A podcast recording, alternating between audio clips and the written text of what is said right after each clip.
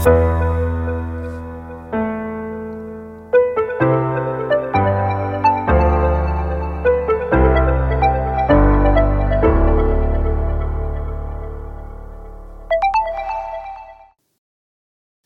jij beter leren omgaan met problemen? Of wil je problemen vanuit een nieuw perspectief kunnen benaderen? Luister dan vooral verder naar deze podcast. De kunst is om problemen te zien als kans.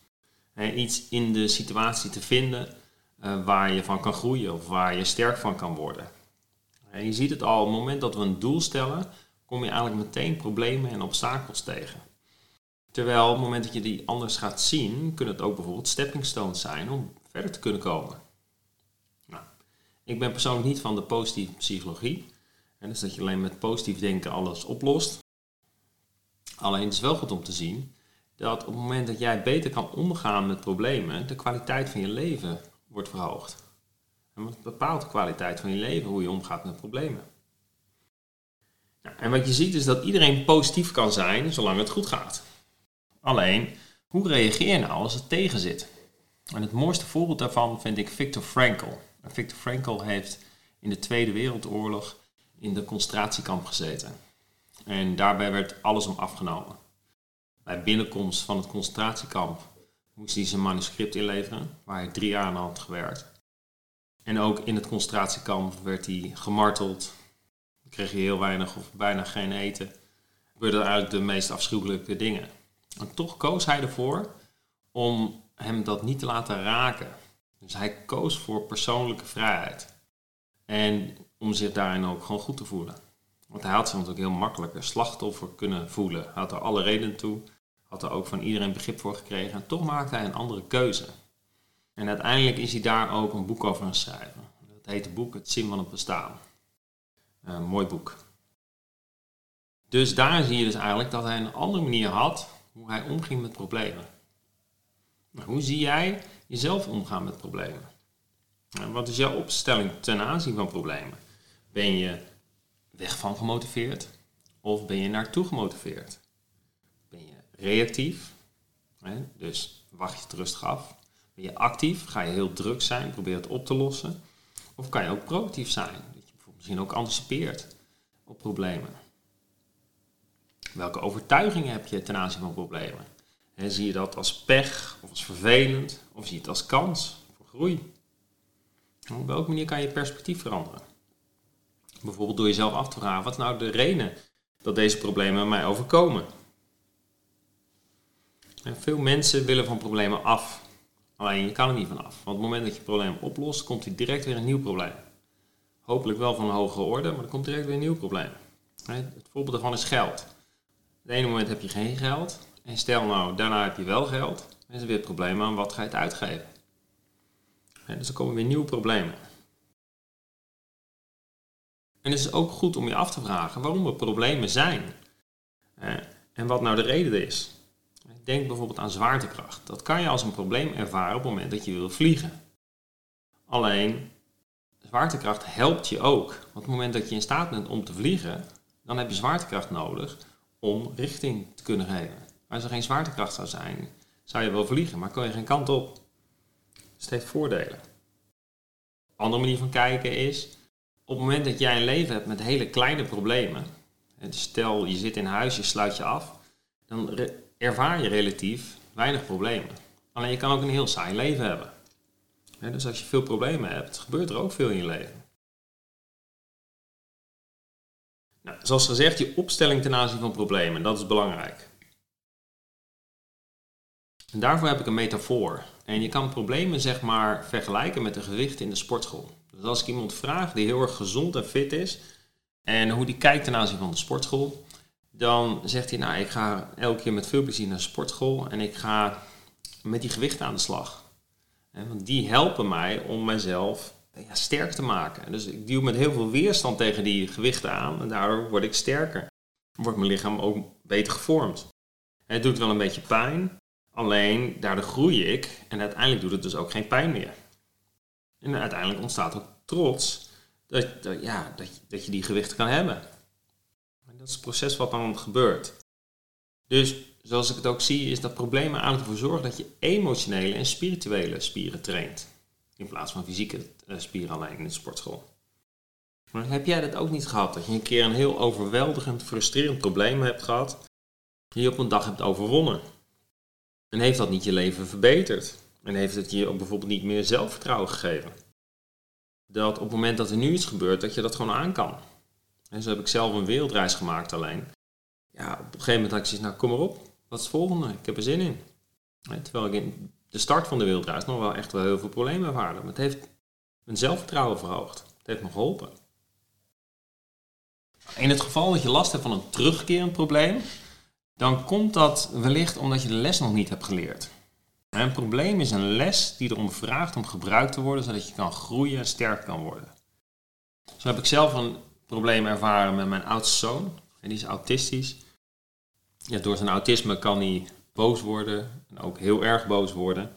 En in het begin reageerde ik daarop. En uh, werd ik bijvoorbeeld ook boos. Nou, daarmee kwamen we echt niks verder. Dus dat werd op een gegeven moment een terugkerend probleem.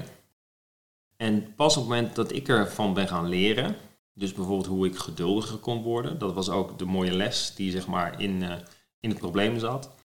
Uh, vanaf dat moment keerde het probleem in elk geval minder vaak terug. Hij komt nog wel eens, maar ik beleef hem in elk geval ook heel anders. Ik heb 11 tips voor jou om beter om te gaan met problemen. De eerste tip is dus, eigenlijk een beetje al verteld, verander je opstelling ten aanzien van problemen. En verander ook met name de betekenis die het geeft. Op het moment dat het regent, als je dat als een heel groot probleem ervaart, kan je best wel vaak problemen hebben. En want het regent nog wel eens in Nederland.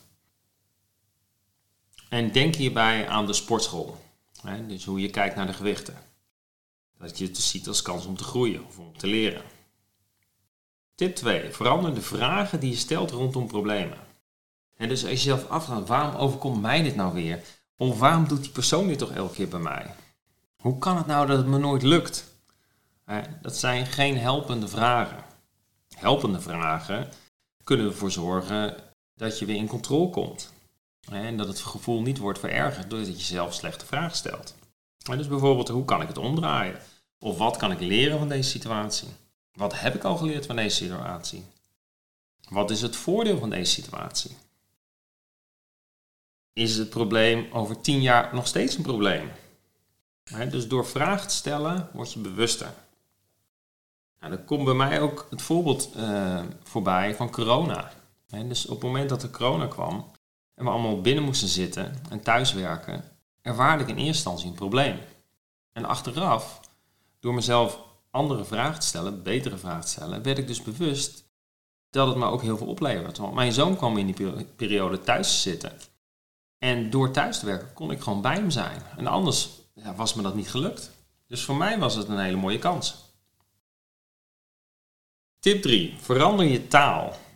De taal die je gebruikt Zorg ervoor hoe jij je voelt en dus ook hoe je een probleem ervaart. En dus op het moment dat er een probleem is en jij wordt heel boos, maar je praat er dus ook zo over. Ja, ik ben boos en uh, ik ben verontwaardigd, ik vind het niet eerlijk. Er zit heel veel lading op. Maar op het moment dat jij het woord boos afzwakt, bewust, en bijvoorbeeld irritatie gebruikt of dat je het vervelend vindt, eigenlijk door die taal verander je dus ook de het gevoel erbij. En dan ga je dus veel minder als probleem ervaren. Hetzelfde idee uh, wat mensen wel eens zeggen, ik heb geen probleem, ik heb een uitdaging. En losstaan dat het een trucje kan zijn, het zorgt direct voor een ander gevoel in je lichaam. Volgende tip. Tip 4. Als je wilt veranderen, dan zou je ook fysiek moeten veranderen. Dus op het moment dat je, uh, eigenlijk als je fysiek verandert, kan je heel snel je gevoel veranderen. Dus op het moment dat je problemen ervaart, sta op. Ga even trampoline springen. Doe een wandeling. Loop even naar buiten. Haal een frisse neus. Of doe adem tien keer diep in en uit. Allemaal manieren om je fysieke staat te veranderen. En hoe dat ook werkt, is op het moment dat ik een probleem ervaar, s'avonds laat om 12 uur, en ik eh, ben ook nog heel erg moe, dan wordt het probleem heel erg groot. Terwijl als ik de volgende ochtend wakker word, uitgerust, dan kijk ik alweer heel anders naar het probleem. dus zo, op die manier heeft je fysieke staat ook invloed op hoe je omgaat met problemen. Tip 5. Wees eerlijk over het probleem. Doe niet alsof het er niet is. Wat sommige mensen nog wel eens doen. Maak het niet kleiner, maar maak het ook niet groter. Ga er realistisch mee om. Tip 6. Controleer waar je op focust bij jezelf. Hoeveel focus leg je op het probleem en hoeveel focus leg je op de oplossing? En de kunst is om 20% op het probleem te richten en 80% op de oplossing. Dat zorgt ervoor dat je het probleem makkelijker oplost, maar dat er dus ook anders naar gaat kijken. En een andere tip daarin is bijvoorbeeld als, een, als je een probleem als heel groot ervaart, is dat je het gaat downjunken, dus dat je het gaat verkleinen. En dat helpt ook om makkelijker met problemen om te gaan. Tip 7. Anticiperen op problemen. Dus expect the best and plan for the worst. En niet vanuit negativiteit, maar meer vanuit een backup plan. Denk bijvoorbeeld aan een evenement. En het is heel handig dat je een backup plan hebt, maar dat je dus ook leert in dit geval om een backup plan van het backup plan te hebben. Dat zorgt ervoor dat je een emotionele voorsprong krijgt. Dus op het moment dat het dan tegenvalt, dan, dan ben je erop voorbereid. Dan ervaar je dat helemaal niet als een groot probleem. Uh, maar dan weet je al wat je moet doen. Dus dat is heel erg helpend. Tip 8. Wat je mag doen is zekerheid ontwikkelen op basis van je ervaringen. Dat betekent dus wel dat je eerst bewust wordt van al je ervaringen. Dus als ik jou zou vragen, geef mij vijf voorbeelden op basis waarvan je een visie ontwikkelt dat mensen niet te vertrouwen zijn. Nou, dan weet ik zeker dat je dat gaat lukken. Maar het omgekeerde dus ook. Dus op een gegeven moment als ik jou vraag, haal vijf situaties terug waarop jij jouw visie kan ontwikkelen dat je mensen wel te vertrouwen zijn. En beide gaat je lukken. Die manier van kijken kan je dus ook op je probleem toepassen. Dus aan het einde van deze podcast wil ik je de opdracht meegeven om al jouw problemen van de afgelopen 10 jaar in kaart te brengen. En daar een analyse op los te laten. En wat is nou de lijn in de problemen? En met name, wat kan je daarna uithalen? kan je bijvoorbeeld zien dat problemen ook cadeau zijn en dat je er ook eigenlijk kan zien dat je elke keer de problemen hebt overwonnen. En dat je op basis daarvan ook die zekerheid kan ontwikkelen in jou. Tip 9. Ontwikkel een betere kwaliteit van problemen. Dus een probleem kan bijvoorbeeld zijn voor jou van, hey, hoe kan ik nou mijn rekening betalen? Dat is een, kan een heel groot probleem zijn, maar is wel een probleem van lage kwaliteit. Op het moment dat je daar een hoge kwaliteit van maakt, bijvoorbeeld hoe kan ik voor mijn gezin zorgen en ook nog bijdragen aan vrijwilligerswerk? Hè, zodat ik ook een bijdrage kan leveren. Dat is een veel meer inspirerend probleem. En helpt je ook om veel makkelijker een oplossing te vinden. Het geeft veel meer energie. Tip 10. Het klinkt een beetje raar, maar eigenlijk je hebt geen problemen. En hoe dat werkt is op het moment dat jij het probleem ervaart, wil ik je uitnodigen om naar het ziekenhuis te gaan en naar de afdeling oncologie. En daar bijvoorbeeld in gesprek te gaan met iemand die leukemie heeft en nog drie maanden te leven heeft. Dan kan het bijna niet anders dat jij jouw problemen heel anders gaat beleven. Tenzij jij hetzelfde probleem ervaart of nog een groter probleem. Dan is even wat anders nodig. Maar over het algemeen zorgt ervoor dat je jouw eigen problemen dan kan relativeren. En dat kan ook heel helpend zijn. Als laatste, tip 11. Wees trots op het proces hoe je omgaat met problemen. Dat zie je zometeen ook mooi in die opdracht terug. En dat je niet alleen maar bezig bent met oplossen en weer check de volgende. Maar dat je ziet van, hé, hey, hoe, hoe is het nou gegaan? Dat kan bijvoorbeeld ook aan de hand van een stuk dankbaarheid. Je ziet van, hé, hey, wacht even, ik heb dit probleem weer overwonnen. En dat is een mooi proces, ik heb er veel van geleerd. Dan krijg je ook een hele andere focus. Nou, zoals gezegd, afsluitend aan deze podcast een opdracht, als je daarvoor open staat. En de uitnodiging is om een kaart te maken van al jouw problemen van de laatste tien jaar waarbij je op de horizontale as de jaren zet en op de verticale as de maanden. Schrijf al je problemen op en ga vervolgens kijken wat is nou de lijn in de problemen. En zijn er bijvoorbeeld terugkerende problemen? En uh, zijn het grote, kleine problemen? Hoe ben je ermee omgegaan? Wat was bijvoorbeeld de sleutel waardoor je het probleem hebt opgelost? Wat was daarvoor nodig? krijg je misschien een rijtje met sleutels die jou er heel erg kunnen helpen in de toekomst ook weer hoe je om kan gaan met problemen. Vraag je bijvoorbeeld zelf ook af van waar heeft het toe geleid, die problemen?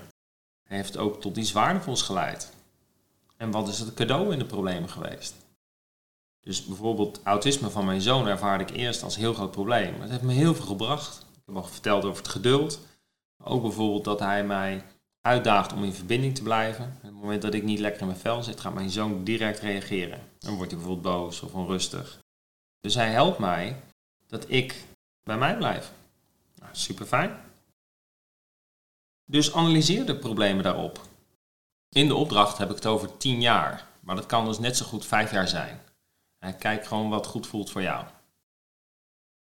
ik hoop dat je door te kijken naar je en met name ook je eigen probleem te analyseren, dat je kan zien wat het je heeft opgeleverd, wat het je heeft gebracht en dat daardoor je perspectief ten aanzien van het probleem is veranderd. Ook met andere tips die ik heb gegeven. Nou, ik wens je veel succes en mocht je mooie nieuwe inzichten hebben opgedaan, laat het vooral weten. Vind ik leuk om te, te horen. En ik wens je heel veel succes en een hele fijne dag.